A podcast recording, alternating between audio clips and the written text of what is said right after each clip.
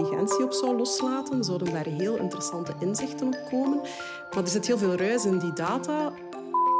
Dat de arts en de machine maken andere fouten. Dus de combinatie is altijd beter. Keep the human touch. En artificiële intelligentie naar automatiseren, als je dat combineert met, juist, met de juiste kritische denkcompetenties, kan dat heel krachtig en heel waardevol zijn.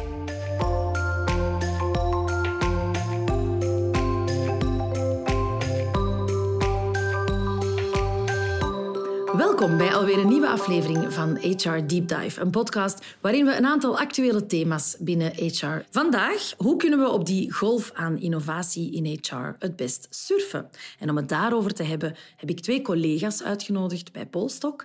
Bernie Kaasens, lead scientist, en Jolien Elegeer, teamcoördinator kwaliteit bij Polstok.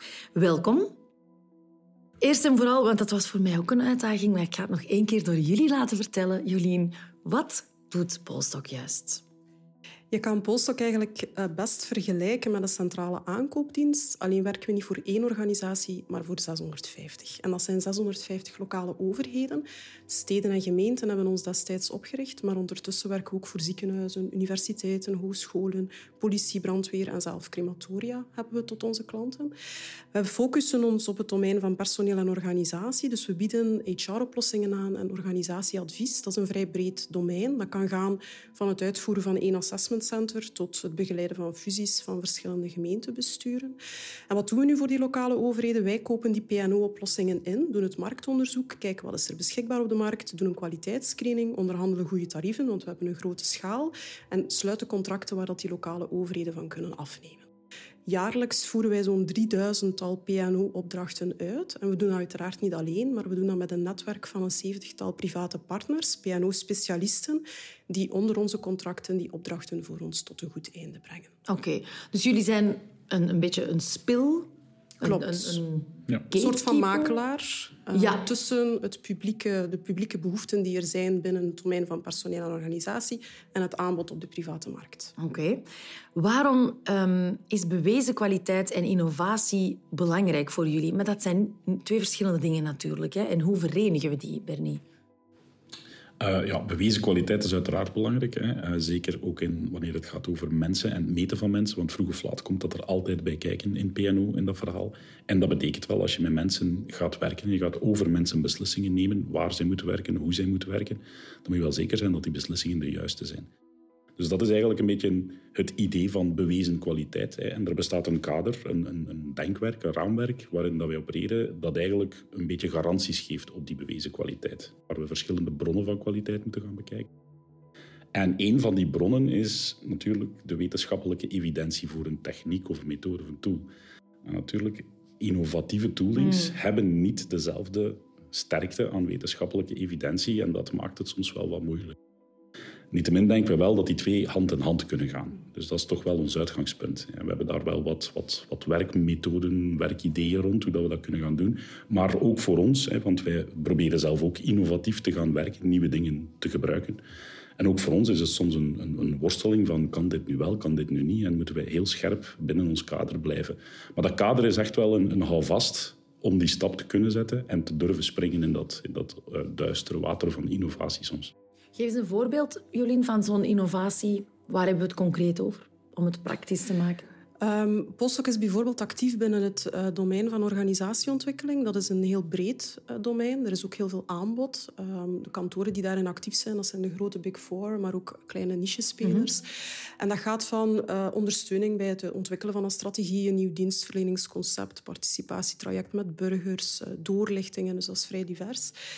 Um, en daarbinnen specialisaties in kaart brengen, eh, herhaling die leidt tot opgebouwde ervaring die uh, één kantoor differentieert in expertise van een ander kantoor. Dat is wat wij in het selectieproces van onze partners proberen doen. En in een poging om die expertise naar boven te laten komen, zijn wij referenties, want dat is een methodiek die vaak gebruikt wordt in de mhm. wetgeving overheidsopdrachten, in bulk beginnen opvragen, grote datasets. We hebben daar parameters in gestoken om die inhoudelijke domeinen, zoals wij zagen binnen het werkveld van organisatieontwikkeling, om die te gaan identificeren en te kijken, oké, welk kantoor heeft er nu binnen welk domein de grootste opgebouwde ervaring en is de grootste specialist onder de specialisten.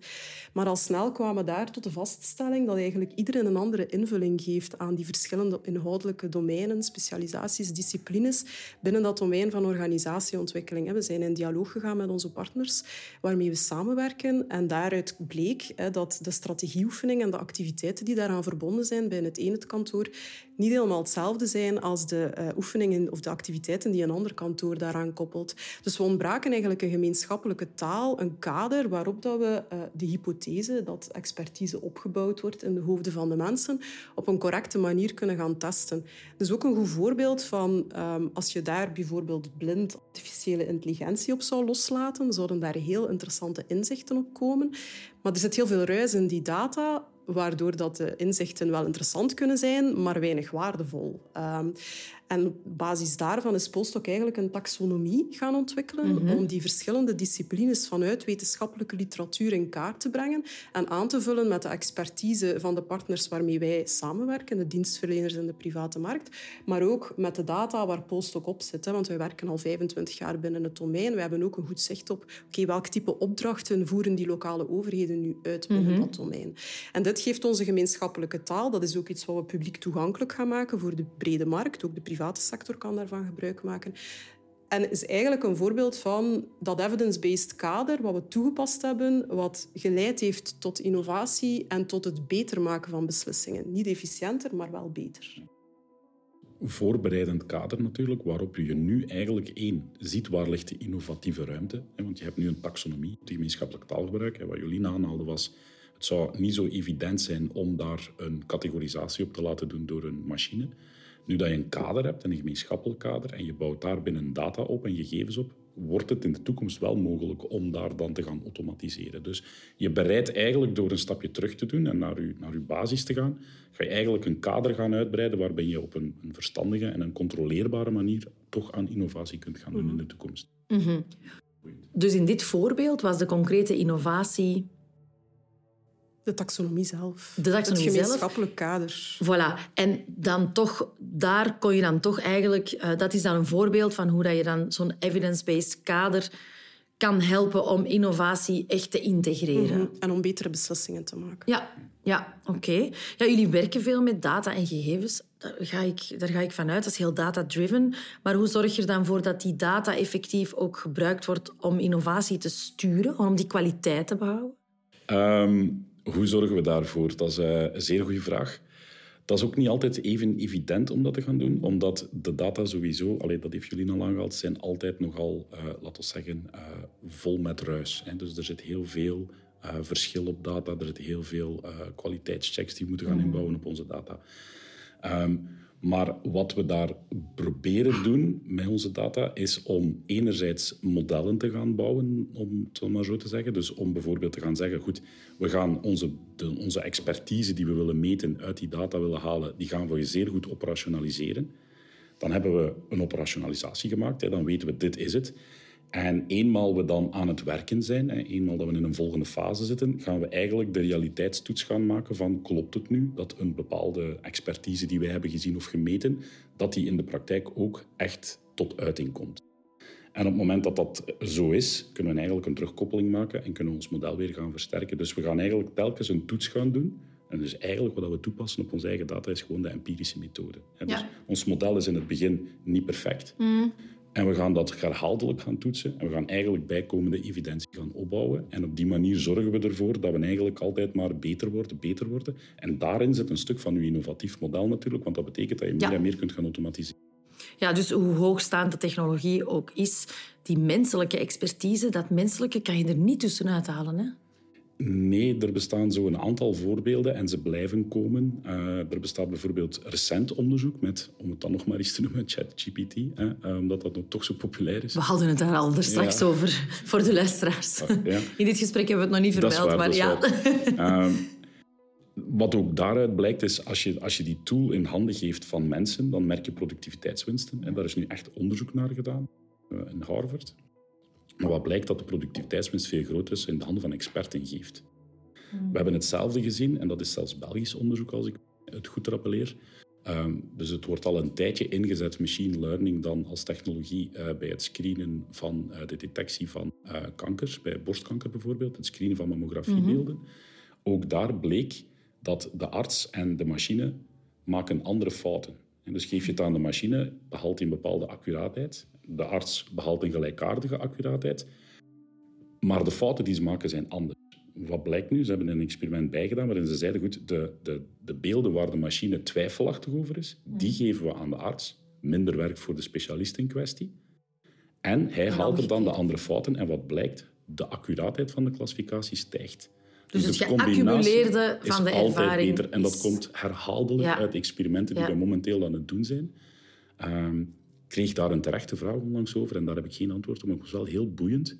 Mm ik gaf les hierover aan de universiteit uh, vorige week. En iemand stelde mij de vraag, ja, maar als we dat gaan beginnen doen, gaan onze specialisten dan nog specialisten zijn? Dat vond ik ook wel een heel interessante. Daar moest ik even over nadenken. Wel, er komen heel veel ethische, maar ook juridische vraagstukken naar boven. Hè. Als je werkt met AI of met uh, al de technologie die we nu ondertussen kennen. Um, ehm, GDPR's, denk ik, dat, dat ook een zeer belangrijk bij jullie uh, hoofdstuk zal zijn. Hoe gaan jullie daarmee om? Hoe probeer je die vinger aan de pols altijd te blijven behouden? Op dit moment zitten we in wat we noemen een reguleringskloof, waarbij de technologie de regelgeving heeft ingehaald. Dus we zijn nog aan het wachten op Europese regelgeving om uh, eh, AI te gaan reguleren. Maar we zien inderdaad wel heel wat aandachtspunten. En zeker wanneer je aan de slag wil gaan met die technologie binnen een overheidscontext. Omdat een overheidscontext wel een betrouwbare partner moet zijn voor haar burgers. En wij willen ook als Postdoc een betrouwbare partner zijn voor die overheid. En er zijn wel wat betrouwbaarheidsissues uh, met, uh, met generatieve taalmodellen om het dan breder uit te benoemen dan, uh, dan ChatGPT, uh, wat maar één vorm daarvan is. Um, enerzijds zit dat inderdaad in die privacy-kwesties, want artificiële intelligentie draait op data. En die data, daar zitten vaak persoonsgegevens aan gebonden of zaken waar je een identiteit van de persoon mee kan gaan nagaan. Maar ook, die is getraind op data afkomstig van mensen, vol met bias. We denken dat we allemaal de voorbeelden kennen van recruteringssoftware met een bepaalde voorkeur voor mannen van middelbare leeftijd, bijvoorbeeld. Eh, en een, een, eh, bepaalde huidskleur. En dat willen we natuurlijk niet. Hè. Dat, dat is geen eh, innovatie waar dat onze samenleving in die richting willen we dan niet duwen. Maar wacht, ik zou denken dat de machine net geen voorkeur heeft. Jawel. ja? Machine... Zouden we dat niet kunnen invoeren, dat, dat, het net compleet... Maar daar zo, daarvoor zouden we moeten kunnen controleren. Hè. Dus je moet weten maar dat wat gebeurt, gebeurt. dus hè, vandaag. Um, dus dus als je, als je uh, anderhalf jaar geleden aan een generatief taalmodel vroeg Um, en je, je kan die ding, bijvoorbeeld stel, hè, uh, je neemt mijn naam en het ding is verbonden aan het internet. Je zegt, ja, die, die man heeft net een, ik zeg maar wat, een rap-album gemaakt. Hè. Uh, we hebben de review gelezen. Dat begon te confabuleren, dat begon sprookjes te verzinnen en dat gaf u een hele review. Vandaag zit er een controle ingebouwd dat die machine dat niet mag doen. Dus die gaat u verwittigen, oh, excuseer, dit kan niet, hè, want ik heb geen informatie over het rap-album bij deze man. dus dat, dat bestaat niet. Dus ze hebben daar wel veiligheid in gebouwd. Natuurlijk, de veiligheid, de veiligheid die er zit, is ook een bias.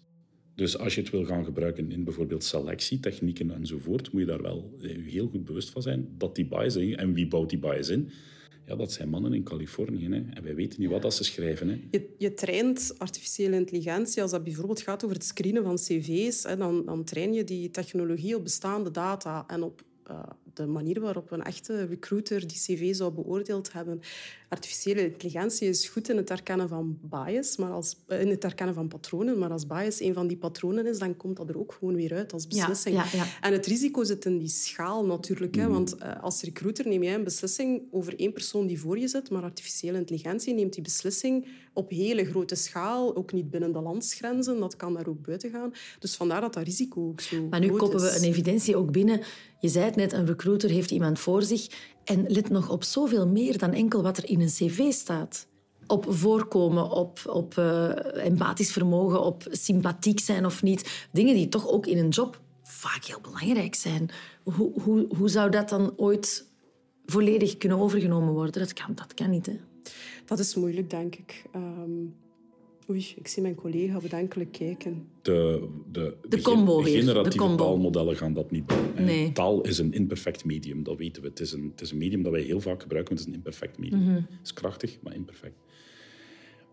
Maar men is op dit moment modellen aan het bouwen met verschillende onderdelen die visie, taal, alle zintuigen eigenlijk gaan combineren, die daarbovenop ook wat onze prefrontale cortex doet, gaan modelleren, namelijk het nemen van vormen van intenties, het nemen van beslissingen, emoties, creaties. Dat zijn de agent-based models die vandaag de dag door grote mensen die weten waar ze mee bezig zijn, volop geëxperimenteerd Mhm. worden. En we hebben daar nu de rekenkracht voor beschikbaar. Dus ik zou niet zeggen dat dat nooit niet kan. Hè. Eh, wat je wel aanhaalt, is ook een, een ethische issue die aan de andere kant van de tafel zit. Hè. Want we hebben het nu over innovatie en wij moeten onze, de partners die voor ons die opdrachten doen, moeten wij hun innovaties bekijken. Zijn die bewezen kwaliteit voor onze klanten? Maar ook onze klanten en onze partners lopen het risico om dat het anders dan maar bedrogen te worden. Zij het bewust of onbewust. Maar we hebben, denk ik, heel veel van ons hebben gezien dat er een nieuw bedrijf was in San Francisco, denk ik, die eh, video's kon laten produceren. Dus jij spreekt een tekst in het Engels en ehm het ding geeft u een video terug in de taal van keuze. Maar ook uw mondbewegingen enzovoort volgen die taal, ook al spreek jij die taal niet. Ja. Dus onze, onze algemeen directeur Vincent heeft ook zo'n filmpje gelanceerd waarin hij dus vloeiend Italiaans praat en je ziet het niet.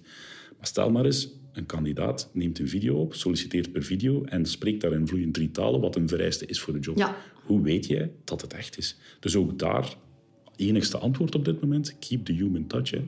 Zet Ga in hem voor gesprek u, met die En persoon. ga in gesprek Ja. met die persoon. Ja. Jolien, misschien nog een laatste vraag voor jou. Ehm, als je het hebt over duurzame innovatie, wat is dat voor jou echt au fond? Duurzame innovatie is het verbeteren van bepaalde werkmethoden, niet enkel met efficiëntiedoeleinden in het achterhoofd, maar met effectiviteitsdoeleinden, is dat een woord? Ehm, Nu wel. De, ja, voilà. Ehm, maakt het onze beslissingen beter? Worden we hier als organisatie beter van? Mhm. Gaan we op deze manier sneller onze organisatiedoelstellingen bereiken? Bij uitbreiding gaat dat ook over de samenleving. Wanneer we artificiële intelligentie eh, reguleren, is dit de manier waarop we als maatschappij Ja. willen evolueren? Is het houdbaar? Ja, is het Ja. houdbaar? Want er zitten wel heel veel opportuniteiten in artificiële intelligentie, naar automatiseren. Als je dat combineert met, juist, met de juiste kritische denkcompetenties, kan dat heel krachtig en heel waardevol zijn. Dus eigenlijk, laat ons ons boerenverstand zeker Voilà. blijven gebruiken. Ja. Oké. Dankjewel, Jolien en Bernie, en nog veel succes. Dankjewel.